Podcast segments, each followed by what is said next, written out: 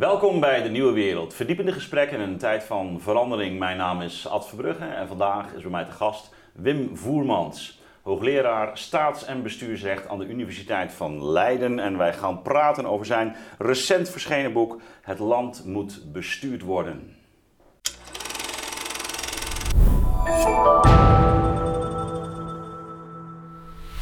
Welkom uh, Wim. In de eerste plaats mijn hartelijke felicitaties voor dit uh, prachtige en uiterst relevante boek. En uh, toen ik het las, vielen bij mij heel veel puzzelstukjes in elkaar. De thematiek is me bekend, maar hoe jij het schetst, ja, vind ik echt prachtig. En ook ja, maakt denk ik dat het een heel belangrijk boek is. Ook om een aantal nou ja, heel recente ontwikkelingen, zoals rond de coronacrisis, maar ook wat langere ontwikkelingen goed te, te begrijpen.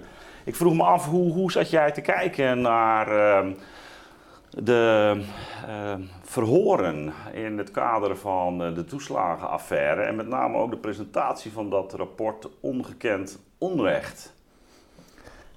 Ja, dat was een snoeihard rapport. En Ja. ik heb het ook wel met verwondering zitten te kijken, omdat het echt een van de eerste keren is eh, dat er doorgevraagd wordt over de manier waarop wij aan het besturen zijn. Want het raakt zo aan jouw boek, hè? Ja, precies. Dus eh, ik had wel het idee van, kon wel eens iets worden met dat boek. Dat zit niet helemaal verkeerd. Het was wel zo dat de verhoren eh, waren eh, tijdens de laatste weken dat ik nog aan het boek schreef. En het rapport heb ik er niet meer in kunnen verwerken, want ik heb mijn manuscript Ja. ingediend in november.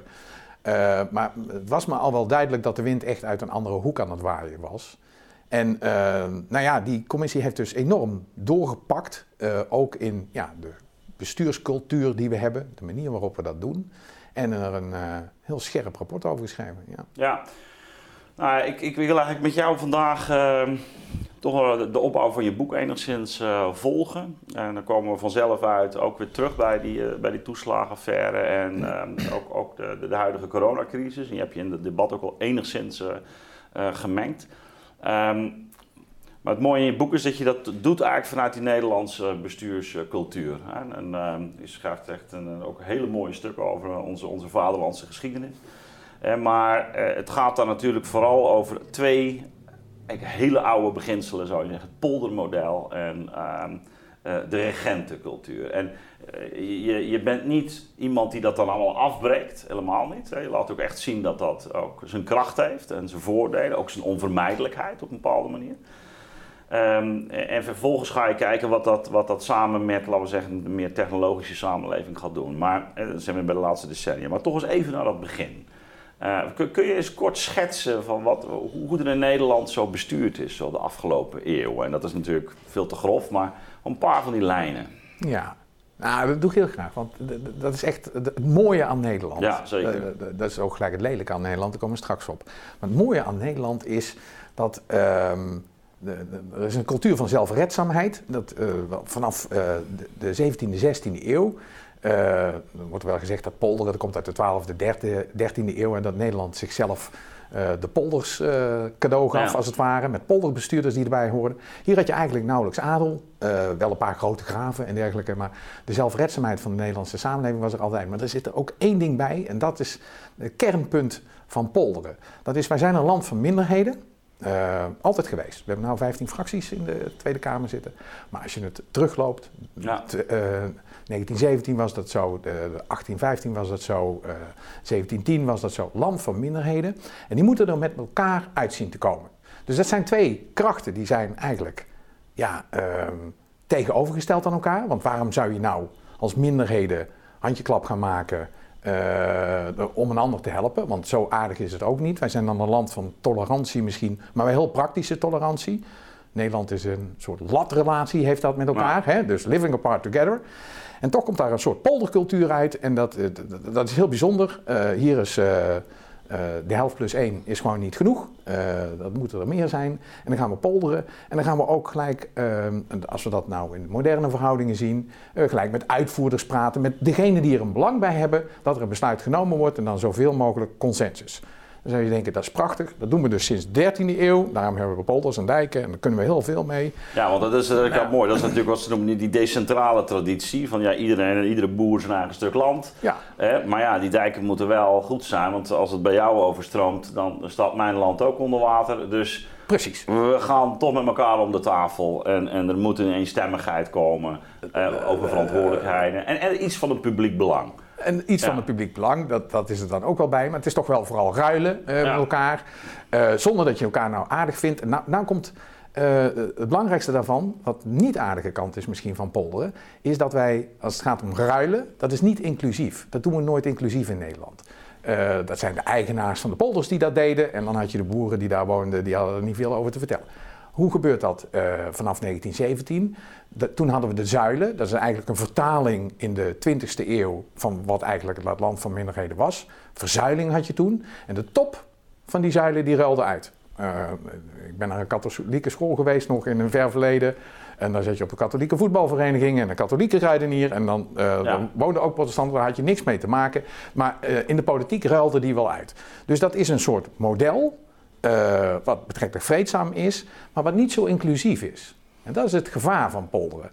dat, er praten maar een paar mensen met elkaar en die ruilen uit. En daar heeft niet iedereen veel in te vertellen. Ja, nou, nou is een, een, een, belangrijke notie in dat verband die je ook in dat boek wel hanteert, hè, is dat idee van vertrouwen. En um, je kan natuurlijk zeggen, nou, in, in die vroegere waar ik dan nog het staartje, ja, jij ook, van, van heb meegemaakt, ehm, daar was er een, een, een, verbinding tussen hoogopgeleide en laagopgeleide of elite en uh, het, het, gewone volk. Om het maar simpel. Die, zagen ook, die zaten ook nog bij elkaar in de kerk. Ja. En waarschijnlijk nog wel in andere kerkbanken. Hè, dat dan weer wel. Ja. Vak K, zoals je hier ook. dus die zaten iets hoger. En, maar ze, zaten, ze kwamen elkaar wel tegen. En, en uh, je had ook het idee dat die notaris. Uh, dat die ook nog wel zorgde in het schoolbestuurtje of voor. de, de, de, de, het, ziek, het plaatselijke ziekenhuis. Hè. Dat, dat was ja. natuurlijk de. En ik denk dat dat, dat, dat weefsel is natuurlijk, heeft natuurlijk, ja, dat, daar komt natuurlijk die bekende regentenmentaliteit ook vandaan. Dat, dat zorgde ervoor dat, ja, het volk had zijn bestuurders, die kennen dat enigszins, um, had, stelde daar vertrouwen in. En, en je zegt eigenlijk, ja, op, op, uh, dat, dat vertrouwen is wel heel fundamenteel ook in die, in die Nederlandse uh, context. Hè? Ja. Ik denk dat dat nu al, we moeten misschien nog niet te snel, maar dat is nou precies waar we nu aan het schuiven, denk ik. Nou ja, na die verzuiling, je zegt het heel goed. bij de verzuiling, je had de, zuilen, die hadden voorlieden en die gaf je eigenlijk gewoon een mandaat af. Ja. Die vertrouwde je. Dat was nou niet zo dat er de hele tijd in achterzaaltjes werd gesproken van wat zullen we eens gaan zeggen namens de uh, eh, KVP in de Tweede Kamer. Zo werkte dat niet, maar er zat een maatschappelijk middenveld onder. Dat was helemaal georganiseerd. Dat waren koepels. Ja. En die waren daarmee redelijk inclusief. Ja. Uh, uh, redelijk, dat zeg ik er wel even bij. Uh, want eh, dat jij daar gewoon als eh, persoon echt het verschil kon gaan maken of je stemming kon roeren, dat, zo makkelijk was dat nee. allemaal nog niet. Maar na de verzuiling gaat die cultuur eigenlijk gewoon door. We blijven een land van minderheden en we blijven dat overmatige vertrouwen houden in onze bestuurders. Die doen namens ons zaken. Het is Daalder geweest, die heeft in 1964 in zijn oratie gezegd van...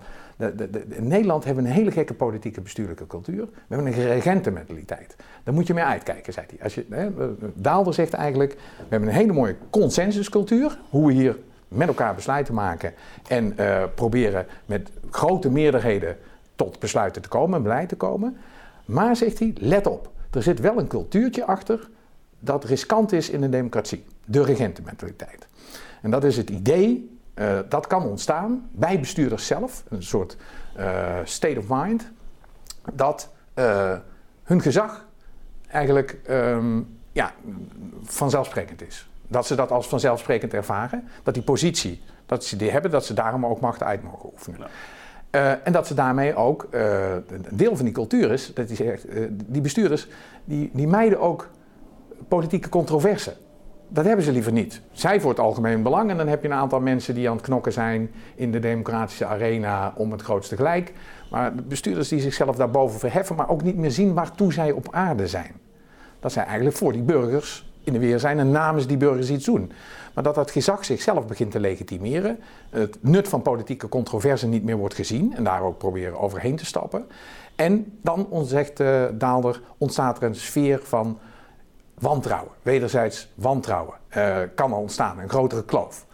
En uh, dat zei hij in 1964. Ja, als je, Als je, als je, want je, je, haalt hem inderdaad ook uit, uitvoerig aan. Dat is denk ik heel relevant ook hè, binnen je, je gedachteontwikkeling.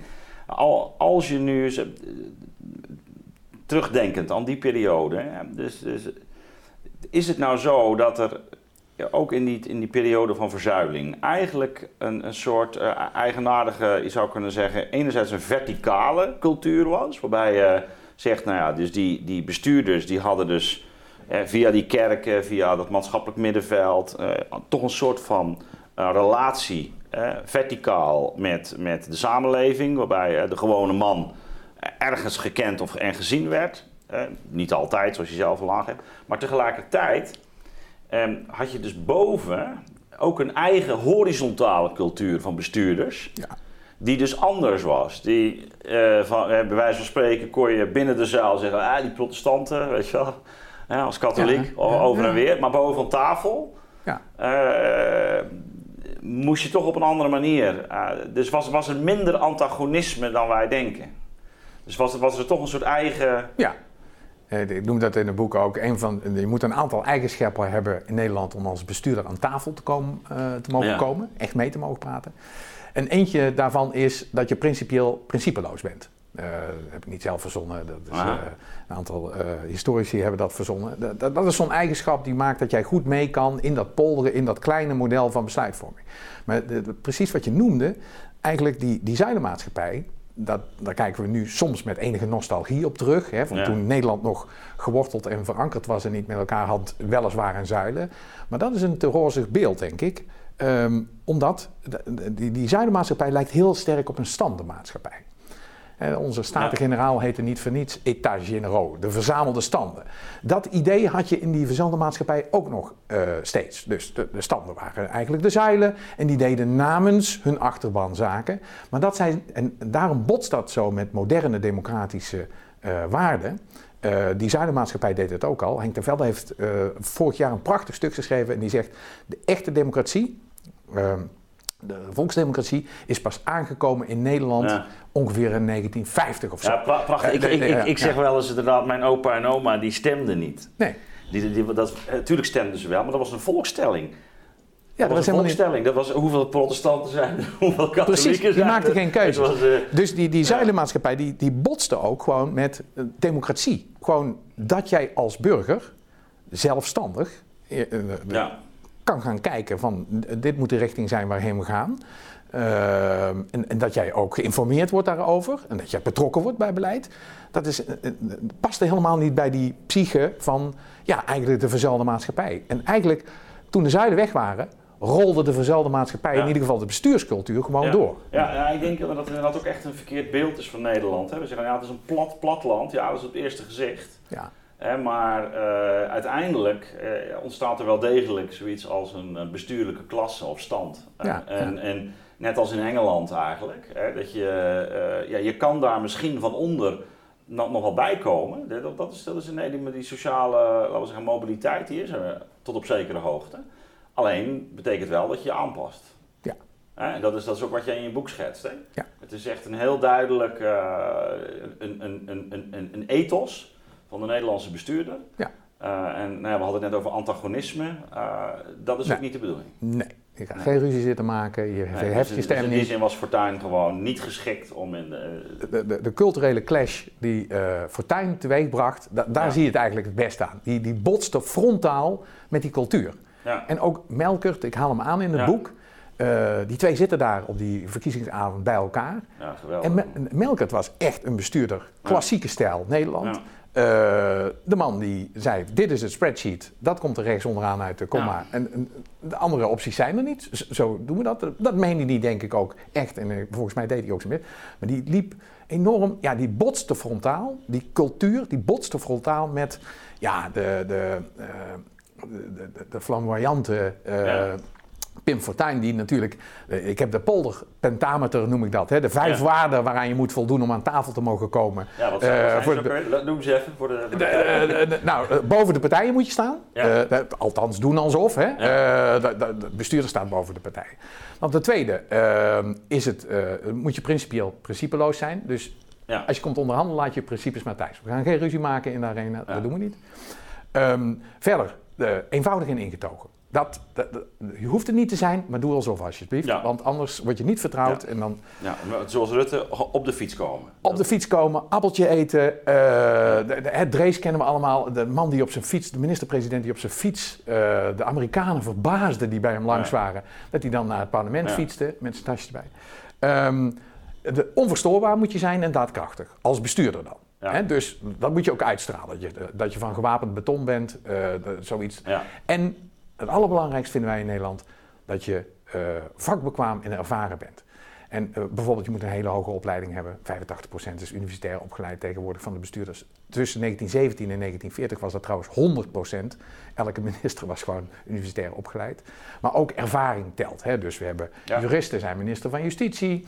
Eh, dan hebben we ingenieurs die runnen eh, verkeer en waterstaat. Dat is altijd zo geweest. En dat zijn de vijf waarden.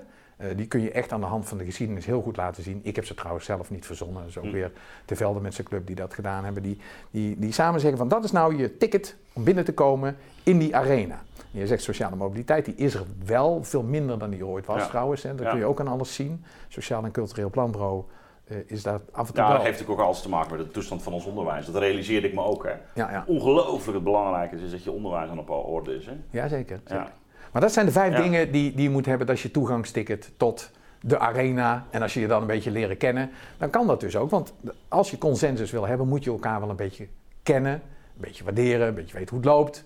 Eh, en dan kun je tot besluiten komen. Ja, ik dacht even terug nog, eh, ik zit natuurlijk zelf aan de VU. Die, die Abraham Kuyper blijft dan toch wel, ook wel een vreemde eend in de bijt. Hè? Ja.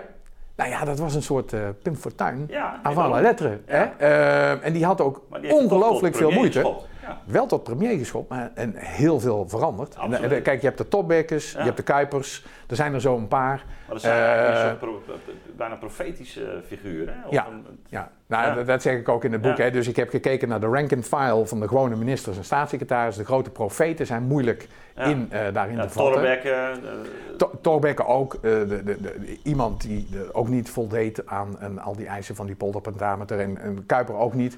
Maar Kuiper had wel heel veel, je kunt dan de moeite die Kuiper had om zich gewoon staande te houden in de, de- ja, Ja. eh, de oude context, en dat viel hem lastig. Nou ja, dat- Eh, laat ook zien dat die cultuur er toen ook Het is, het is ook niet voor niks natuurlijk dat hij, dat, dat hij de man van de kerksplitsing is natuurlijk. Ik bedoel, Ook, hè, dat ja, is, eh, ja. Dus het, het kon alleen maar door het open te breken, eh, zou, je kunnen, zou je kunnen zeggen. Maar dat is dus een hele sterke... Ja, wij hebben destijds met Gabriel van der Brink ook dat boek gemaakt, Waartoe is Nederland op aarde. Dus dat- ik, ik herken ook allerlei elementen daarin, maar ja, ja, je, je pakt het weer net vanuit de andere invalshoeken. Ehm, en, maar, maar daar zie je inderdaad ook ehm, het belang van het water, hè, dat, dat samenwerken.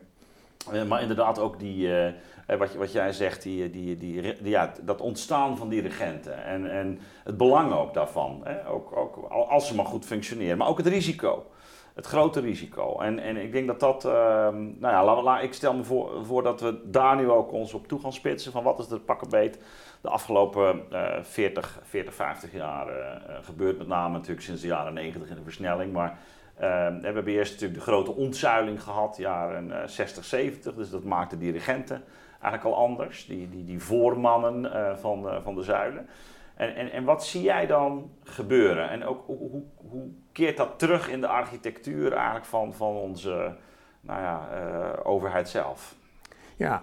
Nou ja, de, eh, op papier zijn we een onbestuurbaar land. Dat, dat, Ja. dat, dat heb ik ook beschreven. Ja. De- al die denominaties, al die, veel te veel kan eigenlijk niet. En toch lukt het. Ik, ik, ik geef dat voorval van Korea, dat ze dus, laat ik zien hoe het Nederlandse parlement in elkaar zit. En die Koreanen wilden één ding weten, hè, want het ging om eh, coalitievorming. Hoe doe je dat dan? We waren met een hoop Europeanen. En ik kreeg één vraag, hoe kunnen we voorkomen dat dit ooit in Korea gebeurt? Zoveel fracties. Ja. Dus het is toch wel een wonder als je jezelf van de buitenkant dan eh, bekijkt. Maar wat er wel is gebeurd natuurlijk in, in de jaren 70, 80, dat is een, een grote emancipatie ook. Die verzuiling moet je wel, Ja. hè, daar hadden we het over. eh, Denk er niet te rozig over. Nee, die, was niet zijn inclusief. hè? Eh, en we krijgen wat meer platte democratie, eh, om het zo maar eens te zeggen. Ik beschrijf ook in het boek dat er een, een voortdurende huiver is voor volksdemocratie. In 2016, de Raad van State gaat er nog helemaal op los. Ja. Uh, volksdemocratie, dat is heel gevaarlijk, maar toch komt dat bij ons binnen. En dat, dat, dat, dat gaat dus over die, ja, die, die laag heen van die langjarige bestuurscultuur. Uh, waarbij ja, een klasse van bestuurders die heel best menen, voorlieden, die een mandaat op hebben gehaald, doen wat goed is namelijk het volk, maar niet echt terugkoppelen. Ook niet inclusief zijn, want het gaat niet. Als je zit te ruilen, dan trek je even de gordijntjes dicht en dan kan iedereen wat weggeven. Dat, dat is moeilijk in het volle licht. Ja. Maar nu krijgt dat wel momentum door twee dingen. Uh, zoals ik in het boek ook zeg, um, wat we snel vergeten is dat onze overheidsbegroting sinds 1966 is 5,5 keer zo groot geworden. In reële euro's nu, ja. Eh, de, de, de, vaste tegenwaarde van toen. Vijf en een half keer zoveel.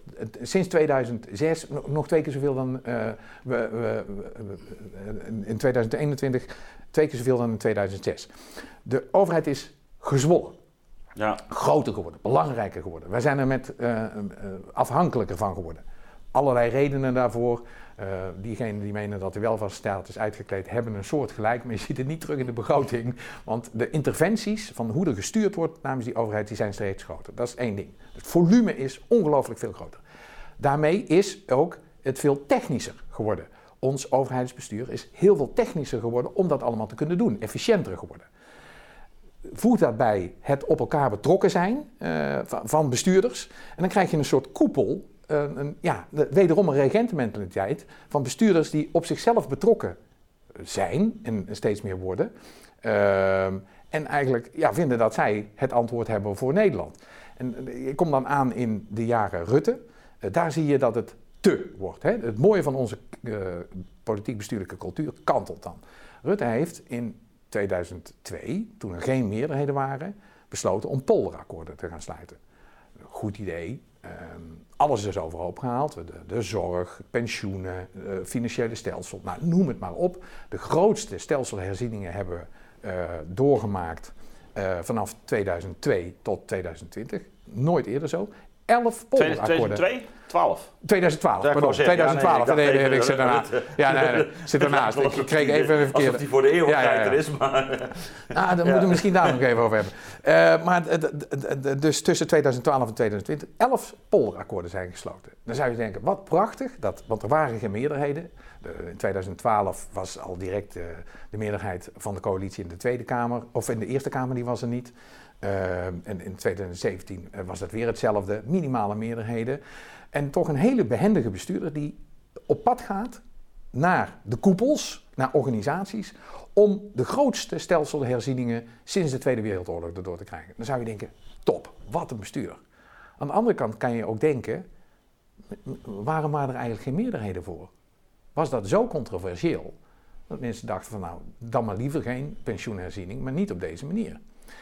En als je zo kijkt, dan zie je het volgende gebeuren: dat Rutte dus uh, met zijn kabinetten gaat polderen. Uh, je weet niet wat de eigen marges waren. Het, het was niet in opdracht van de Staten-Generaal dat die ging, of van de mm. Tweede Kamer. Dus op basis van een eigen agenda gegaan, een heel dun regeerakkoordje. En de dingen die onbesproken waren in het regeerakkoord zouden ze gaan polderen. Dus het is ook niet zo dat je uh, in 2012 gekozen hebt van zo gaan we het doen. En dan gaat die polder kijken de, hoe dat ingevuld moet worden. Nee, dat was vrij nieuw. Dus je bent naar de stembus geweest, er komt uit een Rutte-combinatie en die gaat op pad naar de koepels en de organisaties. Wij Nederlanders zijn dat heel erg gewend. Ja. Dat klinkt gewoon goed. Ja, klinkt goed. Dan komen er elf polderakkoorden uit en dan gaat hij mee terug naar de Kamer en hij zegt hier tekenen bij het kruisje. Dat is wat daar niet helemaal goed aan is. Het is niet inclusief. Het, is, uh, ja, uh, het gebeurt ergens. Achterkamertjes is een lelijk woord. Ik zou de Sergen achterkamertje noemen, hè, de Sociaal-Economische Raad. Zo zit het nou ook weer niet. Maar de, het, het, volume daarvan, ik, één polderakkoord over een hele omstreden kwestie, kan ik me goed voorstellen. Maar elf over eigenlijk de volle breedte van de politieke agenda. Ja, dus dit, dit, dit, is belangrijk, denk ik. Hè? Dat ook dat, dat, uh, de, de, dat de, voor de kijkers dat helder is. En eigenlijk ook voor de, uh, de parlementariërs. Ja. want uh, toen ik je boek ook las... Um, je ziet dus enerzijds, ik ga even een paar dingen uit het boek te, ook voor mezelf even op, op een reis. E enerzijds zie je dus um, in weerwil van wat men zegt, ja, die, die natiestaat is steeds minder belangrijk, hè, globalisering, alles wordt, ja, maar de rijksbegroting wordt alleen maar groter. Ja. Het is, eh, het, 2006 was hij nog 170 miljard en inmiddels zit hij over de 300. Hè? Dus dat is een... 336. Ja, Ja. precies. Dus, dus bijna verdubbeld. Ja. In, in eh 14, 14, 15 jaar. Ja. Dus, dus dat is ongelooflijk. Dus dat, en dat geld moet allemaal eh, natuurlijk aangewend worden. Ja. En, en, en politiek, je haalt het ook aan in boek 1, hè? bestemmingsmacht, doorzettingsmacht, dus besturen, of sorry, besturen. Dus dat bestuur moet, moet, moet plaatsvinden. Dan zit je met die eh, verkavelde, dat verkavelde politieke landschap. Ehm, maar ja, het moet, moet ondertussen bestuurd worden. Dus eh, je ziet ook een overheid, eh, de jaren 90, dat haal je ook aan, die eigenlijk steeds meer gaat uitbesteden. Die gaat, Ja. die gaat, die gaat naar de markt toe, of die quasi-vermarkt, of het worden zelfstandige bestuursorganisaties, zoals wat is het UWV. Dat is Ja. een, en, en je schetst het ook mooi en die, die krijgen eigenlijk gewoon wettelijk een, ehm, een, een, ja, een technische eh, eh, rol toebediend. Ja. Eh, dat wordt gewoon gedefinieerd, taak, en die moeten eigenlijk taakgericht Ja. werken. Ze krijgen budgetten en zoek het maar uit. Ja. Dat is de, de- nou, het onderwijs heb ik me daar al lang tegen gekeerd. Want wat er gaat ontstaan is eigenlijk een situatie waarin er geen publieke verantwoording is van, van die precieze besteding van die middelen. Hè. Dat is de, dus, dus je, je krijgt een, wat jij ook zegt, van, ja, dus je ziet management opkomen, financieel denken, maar ook, ook technisch eh, denken. En dat, dat was ook waar ik enorm op aansloeg, want je ziet, ik ben de laatste tijd wat met, met Elul bezig, geweest en die laat eigenlijk al zien Ja. hoe die technologie, het, het, eigenlijk een staatsmachine, Ja. en, en dat is als je jouw boek leest, dan zie je eigenlijk het, de, de staatsmachine ontstaan. Vond ik een fa- fascinerend. eh, van, ja, dat, dat, het is goed om je dat toch even heel helder eh, voor de geest eh, te, te, te, te brengen. En die akkoorden waar jij dan over spreekt, dat zijn eigenlijk allemaal akkoorden die, die zo'nzelfde patroon volgen. Van allerlei partijen in de samenleving, die bij elkaar worden gezet. Maar, maar feitelijk vindt het overleg dus niet meer in de politiek plaats. Hè? Dat, Nee. is, dat, is, dat, is, dat is het, het bijzondere. Ja. En, en eh, dat, dat is precies het punt eh, de, de- waar het om gaat. We hebben een enorm technische overheid die overigens ook, dat laat ik ook zien, de, het aantal ambtenaren dat voor die uitvoeringstaak staat is enorm Dat, dat naar beneden, Ja, naar beneden enorm. gebracht. Dat daalt. Ehm, A, gedeeltelijk door verplaatsing naar de markt, eh, Ja. een aantal taken af te geven, maar ook gewoon met minder mensen. Dus dat is gewoon het algoritme wat je op ziet komen. Ja. Hè? Dat, dat wordt dus technisch gedaan. En er is best of een- uitbesteed door organisaties, deskundigen, adviesbureaus, allemaal extern. Ja, en het is best een verhaal voor te vertellen als je er één hebt, zo'n zelfstandig bestuursorgaan, dat je denkt van ja, ik wil niet over elke uitkering Nee. met z'n drieën rond tafel, zullen we het wel of zullen we het niet doen en eh, hoeveel Ja. dan en wat op welke voorraden. Dat gaat niet, dat snap ik ook wel. Maar het is, het accumuleert. Het Nou, het is, het is zo het model groot. geworden. Het is het model geworden voor Ja. alles. Ja. Ja, wat ik nou interessant vind, want ik, ik, ik, ik, ik las het niet expliciet in jouw boek, maar ik dacht van, zi- zit daar eigenlijk niet een hele fundamentele continuïteit? Dat natuurlijk, ehm, zo heb ik dat in ieder geval bij het onderwijs ook wel waargenomen, dat natuurlijk eh, vroeger, eh, pak een beet in de, ja- de jaren 50, 60, eh, over heel veel van die onderwerpen de, de, de, de Kamer ook niet ging, want het was belegd bij zuilen. Ja. Hè? Dus die scholen, die zuilen, ze moesten binnen Ja. de context van de wet werken. Ja. Dus dat was eigenlijk ook iets waar, waar, die, waar het parlement een beetje op afstand stond. En het lijkt. Precies, en dat is wat ik probeer te zeggen. Eigenlijk is die zuilencultuur gewoon doorgegaan. doorgegaan. Dat bestuur gaat op dezelfde manier door. Maar ik, ik geef er maar even een beeld aan. Het is wel een standaardmaatschappij. Dat betekent dus gewoon het idee van een democratie. Wat zou die moeten zijn? Ja. Het ideaal van bestuur voor, door en van de burgers. Dat raakt daardoor uit beeld. Ja, en dat en- zie je nu ook ja. gaan scheuren. Dat, dat, Ja. dat mensen daar moeite mee gaan Ja, krijgen. en wat, en wat Ja. denk ik daarbij komt, is dat die, die, die decentrale organisatie, die dan kenmerkend is, en wat, wat die zuilen natuurlijk op, op hun manier deden, die had destijds nog als voordeel eigenlijk twee dingen. De, je, je werkte vanuit een, ja, we zeggen, een, een zekere geestverwantschap, of eh, Ja. soms letterlijk, gewoon de denominaties. Dus de, Ja. er was die verbinding tussen hoog en laag, niet rooskleurig en was ook echt uitsluitend. Maar je had nog wel een soort van connectie. Ja, En, eh, en ik denk, op, wat we natuurlijk nu zien, is dat die, die structuur nog wel bestaat. Maar je hebt niet meer dat, dat laten we zeggen, zo'n gemeenschappelijk... ge- Dus wat is het? Wat, wat, wat wordt daar de drijvende kracht binnen die, al die zelfstandige, verzelfstandigde organen? Ja, nee, dat is gewoon technocratische kracht. Dat is Ja. technocratie. Het idee dat je het zo goed mogelijk probeert te doen voor de burger als klant. Want dat is wat je ook vaak Nou, zo beschrijf je het dan. Ja, ja, de burger als klant. En ik zou zeggen, nee, de burger is geen klant. De burger is Eh, burger. de burger is burger. Aandeelhouder van bedrijf Nederland. eh, die, die praat mee of en hoe en wat en wanneer het gebeurt. En als je dat niet meer doet, dan raak je iets kwijt. En dat zie ik toch wel eh, echt ook gebeuren. De inclusiviteit van de democratie, die staat sterk onder druk. Ehm, en daar geef ik voorbeelden van die misschien, waarvan je denkt van wat heeft dat er dan mee te maken?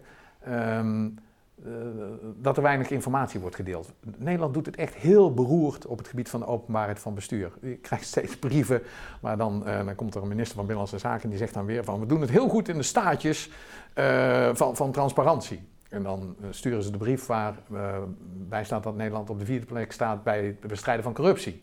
Dat is niet hetzelfde. Wij, wij van de Ja. 100 130 landen in de wereld die bijgehouden worden op het gebied van openbaarheid van bestuur, bungelen wij ergens rond plaats 80, net boven Burundi. Ehm, dat, dat, dat is ongeveer onze. Hè, dus het is niet meer openbaar. En dat heb je nodig om inclusief te zijn. Als burgers niet meeweten, kunnen ze niet meedenken en niet mee beslissen. Nou ja, dus ik denk dat dat is natuurlijk fundamenteel. Je kan zeggen, ja, eh, dus in die, in die vroegere zuilen-samenleving had je in ieder geval nog iets van een politiek klimaat eh, eh, binnen de zuil. La- la- Laten we dat, laten we dat maar. Maar dit is eigenlijk gedepolitiseerd. Ja, Hè? Ik bedoel, die, die oude kat, kat- katholiek, die kwam waarschijnlijk op voor die katholieke school en voor zijn Ja. katholieke eh, eh, eh, eh, ziekenhuis en voor de, voor de katholieke schapenfokvereniging. Of, ja, ja. En de bank zat daar nog bij, dus je had een idee van een elite die, als ze hun partijtjes vochten, dan hadden ze nog een idee van een, hun eigen clubje of zo. En terwijl de vraag is, wat, wat, wat, wat verdedig je nu? Hè? Of waar strijd je nu voor wanneer je in zo'n zelfstandig bestuursorgaan... En dan zeg je, ja, eigenlijk wordt het dan heel snel al een soort van financiële logica... of een kwantitatieve logica, of macht, of... ja de, de macht van het spreadsheet. Ja. Van, hoe gaan we het doen? Wat, zijn de financiële kaders? De, eh, de zelfstandige bestuursorganen ook. eh, de- de- ik heb er veel van binnenuit meegemaakt, daar ook cursus gegeven en zo. Er werken eh, de hele beste, zeer toegewijde beste- mensen ook. zeer toegewijde mensen. Die zijn er echt op uit om dat op een goede manier te brengen. Maar ze, ze kunnen heel moeilijk worden aangestuurd, beleidsmatig, van zullen we niet te zitten of zullen we niet dus, eh, dat. Ze zijn goed in monomane taken. Dus dingen waar eigenlijk geen beleid aan te pas komt, waar geen politieke beslissing aan te pas echt komt. technische vraagstukken. Technische vraagstukken. Doelen en middelen. Ja, maar als je dus dan één taak hebt, dan gaat dat nog wel. Heb je er tien, dan gaat het ook nog wel. Maar als je er vijftig hebt, dan komt het beleid toch om de hoek kijken. Dan moet jij beleid gaan maken Ja. zonder dat je daar de politieke legitimatie eigenlijk voor hebt. En daar raakt ons bestuur eigenlijk, hè, bestuur bedoel ik dan ons Rijksoverheidsbestuur, de ministers en staatssecretaris, die raken daar de greep over kwijt. Als je kijkt naar de, de, de schandalen en incidenten die we de afgelopen tien jaar hebben gehad, die hebben vaak daarmee te maken van controle of greep op grote uitvoeringsorganisaties. Gisteren is er een rapport gekomen weer van de Tweede Kamer ook een, on- een parlementaire ondervragingscommissie. eh, die hebben gekeken naar die uitvoeringsorganisaties en die hebben ook gezegd van joh, het volume is te groot, we kunnen er niet meer op sturen. Eh, er is te moeilijk verantwoordelijkheid over te nemen en ze kunnen daarom ook geen maatwerk meer leveren. Ehm Roel Becker, oud-secretaris-generaal Mhm. eh, van, VWS, als ik me niet vergis, die, die zei ook tijdens de parlementaire ondervragingscommissie voor de kindertoeslagen, die zei, wat we willen kan eigenlijk niet. We, we willen een, een groot volume geld wegzetten, wat eigenlijk bij burgers terecht zou moeten komen via toeslagen of wat dan ook. Maar hij zegt, hoe we het nou hebben georganiseerd is dat je de sneltrein Groningen-Amsterdam vraagt om bij iedere voordeur te stoppen. Om dat te doen. Die twee dingen gaan niet samen. Dus daar moet je Ja. echt eens over nadenken, want de- de- in deze soort volumes lukt dat niet. Er moet meer politieke sturing op zitten en er moet meer maatwerk worden geleverd. En we hebben ons rijk gerekend in een bezuinigingsslag. Dat is wat er gebeurd is. Als, als we dan toch even naar, specifiek naar die, naar die casus kijken. Hè? Eh, we, we, we begonnen ermee, dat, dat ongekend onrecht. Ik, ik denk dat, ook als je met ambtenaren spreekt, je hebt er toch heel veel mensen die echt geschokt zijn. Die, van wat er hier is gebeurd bij de overheid, dat, Ja. dat, dat is echt niet, de, niet in orde. Eh, dus eh, ja, je kan het langs twee lijnen bekijken. Hè? De ment- mentaliteit eh, de, van mensen en, eh, en het systeem. Eh, nou, het, het- mentaliteit zal hier en daar ook wel schorten, daar gaat het niet om. Eh, dat, is, daar twijfel ik niet aan. Maar er zit echt ook iets in dat systeem. Hè, Dat is eigenlijk waar, je- waar, je, Ja. waar je aan refereert nu. Ehm, als jij zo naar die verhoren luistert, hè, en je met, met, met in je achtergrond eh, de kennis van je, van je boek. Hoe komt het dan dat die dynamiek, hè, want je hebt het nu over de uitvoering en daar zie ik die problematiek ook. Hè? Ja. Maar dat, dat vervolgens dus die relatie Kamer, ehm, eh, ministeries, dat dat dus ook eigenlijk verstoord raakt. Ja.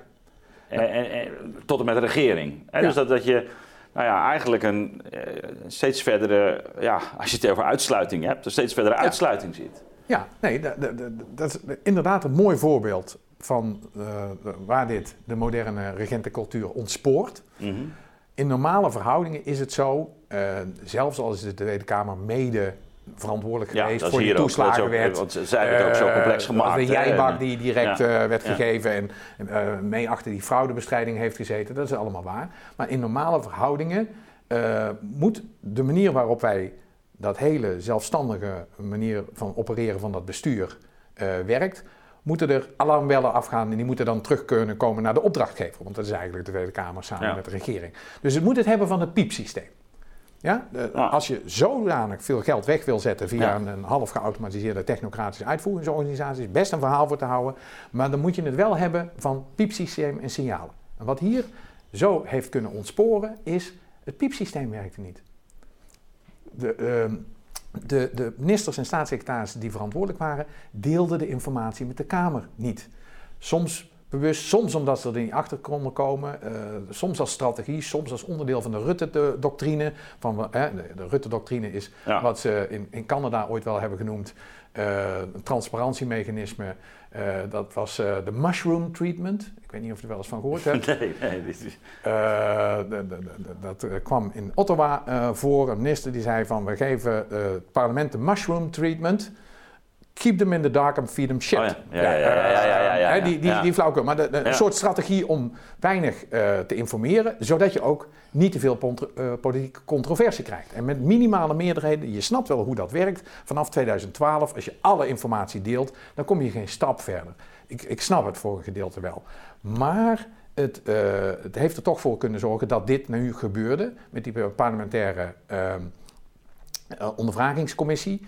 Uh, dat dat echt ontspoorde. Uh, en ja, dat is dus de zwakte ervan. Als jij niet meer de informatie deelt met de Kamer, dan kan er vier, vijf jaar iets enorm uit de rails lopen, wat bijna niet meer uh, te repareren ja, nou ja, als je, als je ook denkt aan die, die metafoor van de, van, de, van de machine, en dan krijg je ook bijna het gevoel, en je combineert het met de gedachte van, um, van consensus, van dat je eigenlijk organisaties krijgt waar um, het draaien van de machine eigenlijk doel nummer één is. Uh, dat betekent eigenlijk meewerken. Hè? Dus, uh, en, en degene die moeilijk gaan doen, ja, die verstoren eigenlijk het, het proces. Hè? Het, het, lijkt wel ja. alsof men gewoon niet te, niet te moeilijk, weet je wel. We, we hebben dit nou zo geregeld. Ja. Uh, we gaan het nou zo doen. Ja. en dit is waar iedereen voor moet. En anders is er geen, geen orde meer. Precies. dus we gaan door. Ja. Want anders, anders loopt het vast. Het gelijk in zichzelf eigenlijk.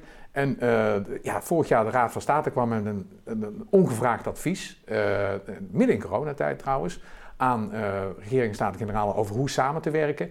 En die verweten eigenlijk de Tweede Kamer, jullie werken niet constructief mee. Jullie, jullie steken hè, de, ja. daar zit de burger niet op te wachten. Nou, dat soort denken, dat, ja. dat bedoelt de Raad van State niet slecht, maar dat laat zien dat die logica zo overweldigend is dat je niet anders meer kan. Er is een prachtig verhaal van de net ons ontvallen Maarten Biesheuvel. Uh, iedereen ja. heeft het wel een keer gezien, denk ik, op de Wereld Door, waar ze het voorlazen. Het is, het is nog niet een A4'tje groot. En dat gaat over de situatie waarin een aantal voorlieden, die, er wordt gewerkt aan uh, één berg. Er is een berg ja. en die moet verplaatst worden, vier meter. En uh, daar gaan ze allemaal mee aan de slag. En iedereen. En, en, en, en, dan is er iemand die zegt: waarom moet die berg verplaatst worden? Ja, donder op.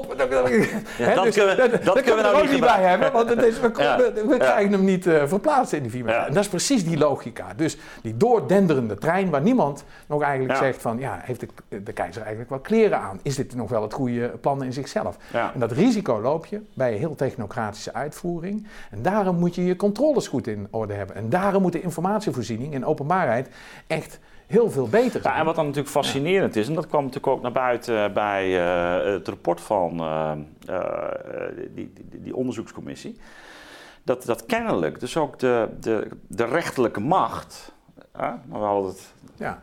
je, je, je bent hoogleraar bestuursrecht ook, en, maar ook staatsrecht, dus de rechterlijke macht, ja. dat die kennelijk niet die tegenmacht vormt op en is dat, is dat dan diezelfde, laten we zeggen, uh, waar ik zo even aan refereerde, toch een soort van horizontale solidariteit? Dat Mm. is, waarom, waarom zeggen ze niet, jongens, Eh, eh, Nou, in ieder, in ieder geval horizontale solidariteit. Dat zou Nou, bij- bij eh, bestuurders, eh, bij- betekenen dat ze Ja. dan de, eh, de rechters bij de Raad van State echt eh, zi- zich nogal verstaan met eh, eh, het bestuur. En daar praat je. Ja. Zo, zo werkt het niet. Eh, maar ze zijn wel meegegaan in de logica. Van de, de uitvoering moet uitgevoerd worden.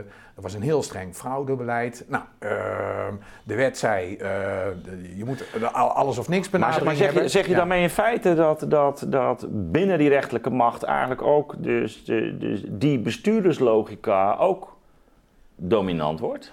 De- Het zijn geen bestuurders, maar ze, ze, ze laten zich wel meeslepen, ja. ja dat, dat zou ik wel durven Want je, zeggen. want je zou Ja. zeggen, nou, dan eh, kom ik weer bij Elul. Hè, die, die die zegt van ja, eigenlijk zie je dat in heel de 20e eeuw er ook een, een toenemende spanning is. En eh, in zekere zin eh, kom je daarbij aan. Tussen het principe eh, van, van, van, van orde en het principe van rechtvaardigheid. Dat eigenlijk de technocratie wil de zaak gewoon in orde brengen. Ja. Orde, orde moet er zijn. Ja. Het be- het betekent dat mensen moeten luisteren, of we zorgen dat ze gaan luisteren. Door, door bepaalde berichtgeving. Of, maar ook, ook dat eigenlijk democratie en recht eh, soms, soms het niet met die orde eens zijn, maar een sta in de weg worden. Ja, nou ja, de- de- ik ga er altijd een beetje naïef van uit dat de, de, de toegang tot de rechter is voor degene die het pleit heeft verloren bij de Ja. meerderheidsbesluitvorming. Die wil je toch ook, want Ja. die heeft ook rechten en belangen. Nou, eh, toch nog even terug naar die Raad van State. Dat is de afdeling bestuursrechtspraak. Er komen allemaal bestuurlijke beslissingen langs. Eh, en die bestuurlijke beslissingen, eigenlijk hebben die rechters binnen de Raad van State een hele goede opvatting over het rechtelijke vak. Eh, een beetje à la Montesquieu. Eh, Ja. Luister, Ja. wij eh, passen de wet toe. Wij gaan niet zelf zitten denken wat het betere idee was. Wij passen de wet toe. Dat is punt één. Dat zie je terug in hun beleid. Dat ze meestal zeggen, kan een redelijk beoordelend bestuursorgaan tot zo'n beslissing komen. Wij gaan niet onze eigen beslissing daarvoor in de in de plek zetten. Dat is allemaal het goede eraan. Maar nu ook weer, ook weer een kwestie van geld. We horen Nou ja. grote principes van moraal en rechtvaardigheid, Ja. liever niet geld. Maar die Raad van State, afdeling bestuursrechtspraak, is gewoon uitgekleed. Eh, en die krijgen een groot volume zaken. En wat doen die? Net zoals bestuursorganen. Ehm, die gaan één keer nog op een principezaak zitten waar een terugvordering is met z'n drieën. Hè. Dan, dan gaan ze er nog eens twee, drie weken naar kijken. En dan gaan ze ook aan eh schabloneeren doen eh, daarna. Van, oh, weer zo'n terugvorderingszaak. Ja, dat, daar hadden we dit over. En daar had je dan ook dat heel laat de wake-up call kwam. Van jongens, maar dit wordt veel te gek. En dat je dat dan ook niet meer ziet. Het, is, het zegt eigenlijk ook alles dat zo'n orgaan als de Raad van State, waar we het echt van moeten hebben bij de bestuursrechtspraak, gedwongen wordt de- eh, op een soort ja, Ja, ik- eh, ik- ja. technische manier eh, bedrijfsvoering Ik- te doen. En dat, dat verklaart denk ik echt ook wat Ik snap het, maar ik, je, je zou, je- vind, vind je niet dat ehm, in de trias eigenlijk eh, als, als integraal beginsel de rechtvaardigheid eh, op nummer 1 zou moeten staan? Ja, zeker. Ja, Dus, dus, dus, dus even los dat je zegt van ja, we hebben gewoon de taak om, om de, de procedure nu te volgen. Maar wacht even, dan is er toch nog gewoon een heel elementair beginsel. Is dit rechtvaardig? Ja, nee, dat, dat is absoluut zo. Eh, dat zou het moeten zijn. En nogmaals, ik vertaal die dingen. de- de- ik nee, probeer maar niet dus- te dus ik- ik begrijp in geld. hoor. Dus Ja. de, de- ook hè, als je zo'n machtige overheid hebt, vijf keer groter. Ja, dat is het. Is En, en, en eh, ja. de Tweede Kamer met 150 mensen moet dat met 15 fracties en een ondersteuning van niks zien te controleren. Ik heb al gezegd van, eh, dan heb je niet... Maar, maar het is, eh, het is ja. eigenlijk idioot hè, als je het zo schetst. Ik bedoel, we zien dus die overheid, die groeit gigantisch. Ja. En die bezuinigt ondertussen eigenlijk op de, op de eigen vitale organisatie. Op de tegenmacht. Op de tegenmacht. Precies. De tegenmacht heeft geen kans meer. Eh, A, de regels, de, de, de- daar kan zo'n grote overheid mee, mee spelen. Ik wil Ja. er niet een of ander paranoïde verhaal van maken, maar Ja. gewoon ja, de regels van de rechtsstaat, eh, als die worden overtreden, als jij zelf de regels maakt, eh, dan kan je met de rechtsstaat spelen. En als het gaat om wetten maken, dat doet, doen de ministers en staatssecretarissen. Dat is, daar heeft eh, een Tweede en Eerste Kamer maar een kleine rol bij. Ja, ze mogen meebeslissen. Maar om de, techniek ervan, om die echt te doorgronden, daar diep in te komen, dat is, je hebt zo'n informatieachterstand. Nou, je kan ook dus spelen met de informatie. Je geeft ze wat minder informatie, Ja, dan ja, weer minder controle. Dus dat is, dat is zelf ook een technische informatievoorziening, is natuurlijk ook gewoon een techniek. Precies. Ik bedoel, dat doen we bij marketing. Dus je, Ja. je, be- je bewerkt ook de mening, je zorgt Ja. dat meningsvorming Ja. ook ontstaat. Hè? Ja. En vandaar een, een paar Amerikaanse collega's. Dit is trouwens in de hele westerse wereld zo. Een beetje erger misschien nog wel in Nederland. Maar een paar Amerikaanse collega's, eh Posner en Vermeulen, zo moet je dat Ja. zeggen, Vermeulen eh, Ja. gewoon. Maar er wonen al drie generaties in de Verenigde Staten. Die hebben een, een prachtig boek geschreven, dat heet Prometheus, eh The Executive Unbound. Ja. Dus Prometheus heeft zich losgerukt van de rots. eh, en is nou eh, niet meer te controleren met die oude controles die we erop hadden gezet. Ja. Hè, die, de, de democratische rechtsstaat, er is een mooi evenwicht, checks and balances. Dus Shelley, de ont ontketering van Prometheus. Ja, Ja, precies, Dat Shelley heeft het ook gedaan. Geweldig, Ja. want het geeft, ik, ik geef net een, heb net een college gegeven waarin die eigenlijk, want Prometheus is natuurlijk degene die ons techniek eh, eh, eh, bezorgt. hè. Dus het, eigenlijk ook tegen het Zeus, tegen het principe van rechtvaardigheid Ja. ja, in, in, in het geweer komt. Ehm, en, en, en ik denk inderdaad dat, dat zich dat nu ook aftekent hè, op een hele, hele fascinerende manier. Ja. Eh, Je hebt die film een aantal jaren geleden gehad over ehm, eh, Dick Cheney, Vice. Vice. Hè? Ja, ja. Eh, geweldig. Waar je eigenlijk ook ziet dat, dat die, die gouvernementele overheid, hè, of die, die Ja. executive power, hè, dus vooral de uitvoerende macht, ja. Die komt centraal. Dus, en dat was een doctrine bij Cheney. Ja, ja, dat had hij gemaakt. dit, hè, die, verzonnen. die, die, die gewoon, ja. George Bush, ja, hij was eigenlijk degene die eh, de uitvoerende macht bed- bediende. Cheney was de man. Ja, hij was eigenlijk de man. Het aardigste aan de films is dan elke keer als het goed aan het lopen is, krijgt Cheney een hartaanval. Ja, Vier of vijf in de film, dat hebben ze geweldig gedaan. Prachtig gespeeld. Ja, maar heel goed. Maar het is inderdaad wel fascinerend. Dus dat je, dat je dus die, eigenlijk die executive power, die uitvoerende macht... en dat is ook in jouw boek, je ziet feite dat, dat die bestuurscultuur... en die uitvoerende macht in Nederland, die vindt dat kennelijk ook nog gewoon heel vanzelf... Eh, ziet het ook niet eens meer als een thema. Eh, Wij waren altijd werkfabriek Nederland. En daar, Ja. eh, eh, vanuit het polderen, de zuilen Ja. tot nu, da- daar hebben wij een soort gevoel bij. Van ja, dat wordt nou eenmaal zo. Dus eh, de- de- de- de- de- ik, ik heb wat testjes gedaan, eh, de- de- ook met studenten, maar ook, je ziet het ook terug in eh, die adviezen van de Raad van State. Dat zijn mooie spiegelingen van de ziel van Nederland. Eh Ja. Jaarverslag, dan komt er een algemene beschouwing van de eh, vicevoorzitter meestal. En ehm, eh, ik heb daarin gekeken naar huiveren voor volksdemocratie. Dus gewoon dat je naar de stembus gaat en we heffen iemand op Ja. een schild en die gaat het naar, naar ons doen. En dan worden dan hele verhalen gehouden. En het- het- eerst maak ik, eh, dat heb je misschien gezien, laat ik een, eh, iemand uit het eind van de 19e eeuw, een conservatief, aan het woord van. Als je nou gewoon algemene verkiezingen zou hebben, wat gebeurt er dan? Ja. Die, man die zegt, dan, dan krijgen de schreeuwers het, dan, dan kan je nooit meer een fatsoenlijk besluit nemen. Dan krijgen de schreeuwers, die krijgen het gelijk binnen. Dat, dat wordt helemaal niks. En dat heb ik dan daarna gezet. Laat ik een stukje Ja. tekst zien daarna. Van, eh, nou, daar staat dan van ja, gewoon een volksdemocratie. Dat, dat leidt niet tot gedragen besluitvorming. En als dat zomaar zijn kans zou krijgen, dat is niet goed. Dat is uit 2016 de Raad van State. Die zegt Ja, precies hetzelfde. hetzelfde, Dus ja, dan precies. in 1870.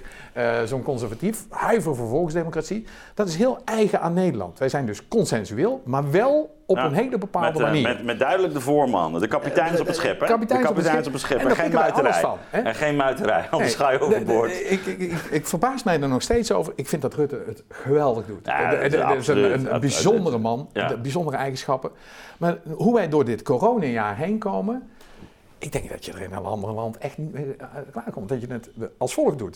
Je hebt een persconferentie, dat snap ik. Want eh, Ja. je hebt met elkaar besloten. En dan ga je de dag daarna ga je naar de Tweede Kamer, Ja, doe je je tweede persconferentie. Ja. Hè, de- de- Het was, al, het bedoel, was al geregeld. het was al lang geregeld. Die. Tweede Kamer heeft niks te zeggen. Die, die krijgt gewoon te horen. Instemmen, ze mogen... eh, Zo, Je mag instemmen of instemmen. Eh, dat, dat is ongeveer. En dat ziet er wel mooi uit, alsof je gerepresenteerd bent. Maar in Nederland gaat dat veel langer door. Ja. En we hebben voor, eh, die coronawet in november, eh, de oktober en november, moest daar de Tweede Kamer over praten om ietsje controle te krijgen over die coronanoodmaatregelen. Maar, je- maar je zegt daar het- hetzelfde, je laat het ook heel mooi zien.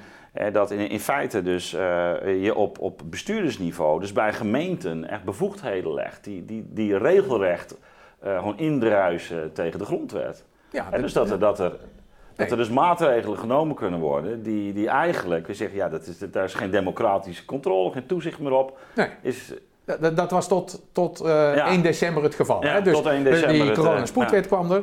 En wat mij vooral opviel was in, in mei, eh, de allerlei landen, we hebben 51 Ja. landen eh, in de wereld bestudeerd met eh coronaspoedmaatregelen. Mhm. Althans wij. Eh, een, een man in Israël, ehm, eh, die, die heeft dat gedaan. Eh, prachtig vergeleken. En dan kun je ook zien waar je in het relatieve verband staat met je noodmaatregelen. Heel veel landen eh, om ons heen in de Europese Unie, die hebben in maart, april gedacht, hé, hey, wij hebben gezondheidsnoodwetten, maar dat gaat hier niet lukken. Dus we moeten wat anders hebben. We moeten ons het parlement erbij gaan betrekken, de burgers. Uh, die, die, moeten daar iets over te zeggen hebben. Duitsland heeft daar een, een infectionschutzgesetz voor gemaakt. Een prachtige titel. Spanje heeft de noodmaatregelen uit de grondwet gehaald. Maar overal hebben ze gekeken van hoe kunnen we nou het parlement er op een of andere manier bij betrekken voor het draagvlak. Want daar gaan we het zoeken. In Nederland helemaal niks. In, uh, en in mei, toen duidelijk werd uh, door een aantal Groningse hoogleraren, ik heb daar ook al mee gedaan, dat sommige maatregelen gewoon niet kunnen. Je kunt niet per gemeentelijke verordening uh, de, de, de, persoonlijke levenssfeer opzij zetten. Dat gaat dan over mondkapjes, maar het gaat ook over grote dingen. Dus dat werkt niet. En pas in mei komt de jongen met een wetsvoorstel voor die coronawet. Waarbij hij het weer zo maakt dat hij de noodmaatregelen kan nemen in plaats van de gemeente, maar geen enkele parlementaire uh, zeggenschap. Uh, de Raad van State zegt van dat is bijzonder, dat moet je eigenlijk niet zo doen. De jongen trekt er zich niks van aan. Tweede Kamer begint aan het eind van de zomer toch een beetje te morrelen van ja, kan dat nou zomaar?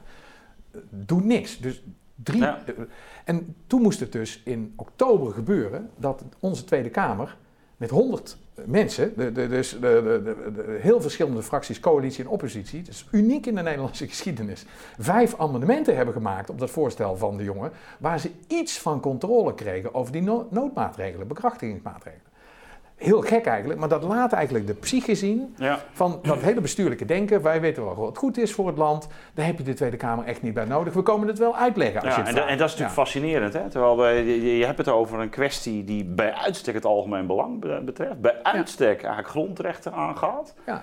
En in, in zo'n situatie krijg je dus een reflex, maar die kennelijk wel heel oud is, want dat leert jouw boek ook. Ja. Eh, maar die denk ik nu wel op de spits gedreven wordt, ook omdat je samen met wetenschap een soort van legitimatie geeft. Hè? Dus het, is, het wordt ook gedaan, ja jongens, dit is, het, dit is het probleem, zo gaan we het oplossen. Dus we kunnen er eigenlijk niet over praten, toch? Dus dit is gewoon wat je moet doen. Dit is, uh, is maar één oplossing, is maar één oplossing als de onze. Ja, ja, en, en het, is, het is helemaal gedepolitiseerd. Ja. En uh, ja, het parlement gaat er eigenlijk ook in ho hoge eh, mate in mee. Bevolking kennelijk ook. Dus ik, ik, vind het wel angstaanjagend op een bepaalde manier. en dat had ik ook ehm, eh, toen, ik, toen ik zat te kijken naar de reactie op de, op, op de rellen.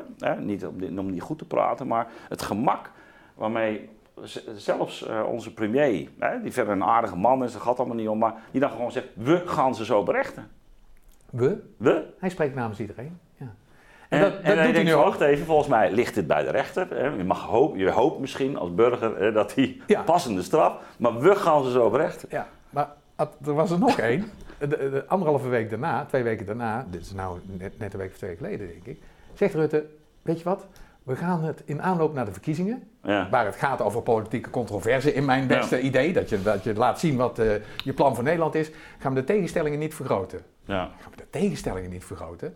Ja, we moesten allemaal elkaar niet de maat gaan nemen nu. Verkiezingsstrijd. Dus uh, ook daar weer dat heilige gelijk van er is maar één oplossing. En ik snap het ook wel, sinds de jaren negentig hebben die uh, neoliberalisme en een soort derde wegpolitiek van laten we nou proberen zakelijk uh, ons land vooruit te duwen.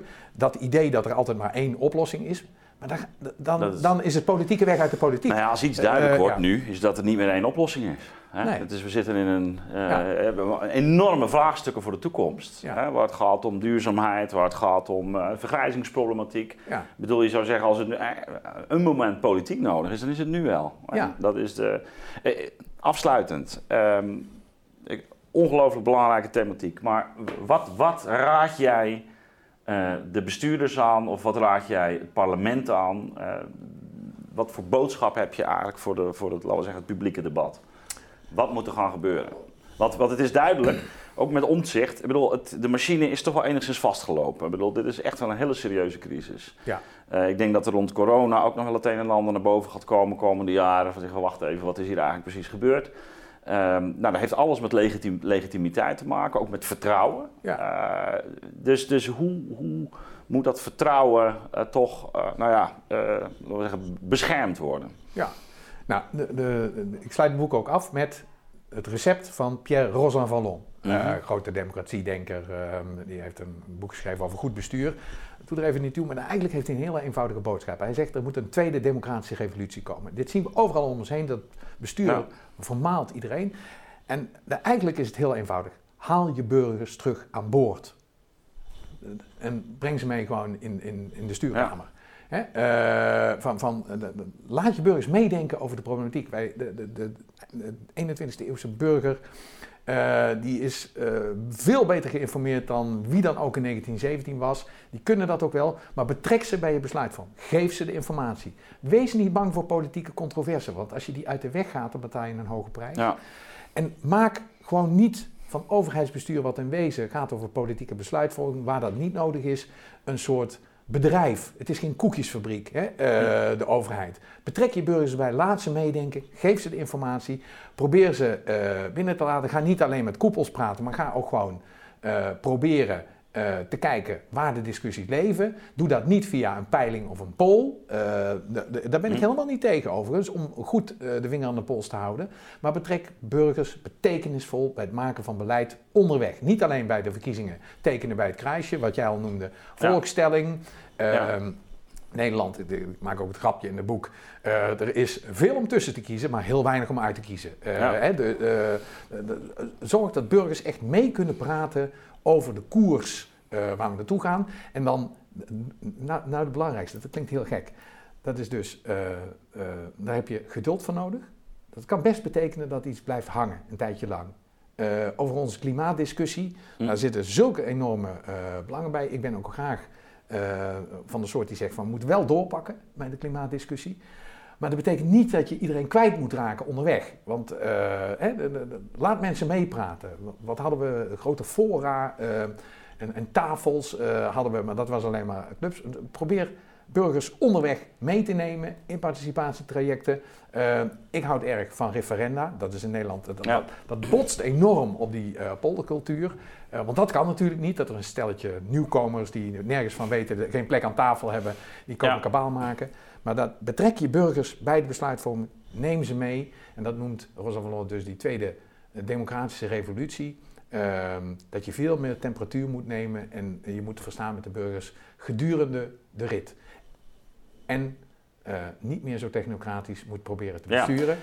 Ja, dat, uh, Wim, ik, uh, zijn. Ik, uh, ik dank je hartelijk voor dit gesprek. Ik, ook voor de aanbeveling op het laatst. Ik denk dat daar het laatste woord nog niet over gezegd is. dat betekent denk ik ook dat dat hele maatschappelijke weefsel toch eens opnieuw doorgenomen zou moeten worden. wat, wat, dat, wat, wat, we daar, wat er de afgelopen 30 jaar gebeurd is. dus het dat wordt een lang traject. Door, een mars door de instituties misschien wel. Ja. Um, maar wel heel belangrijk dat we dat gesprek gaan voeren, denk ik. En uh, nou ja, ik vind ook dat iedereen uh, die zich enigszins uh, zorgen maakt over de toestand van de rechtsstaat in Nederland, zeker jouw boek moet lezen. Dus ontzettend bedankt voor je komst. En ik hoop het zijn de tijd nog dat we het gesprek eens voor kunnen zetten. Dankjewel, Ad. Okay. Het was fijn om hier te zijn. ja. ja. mooi.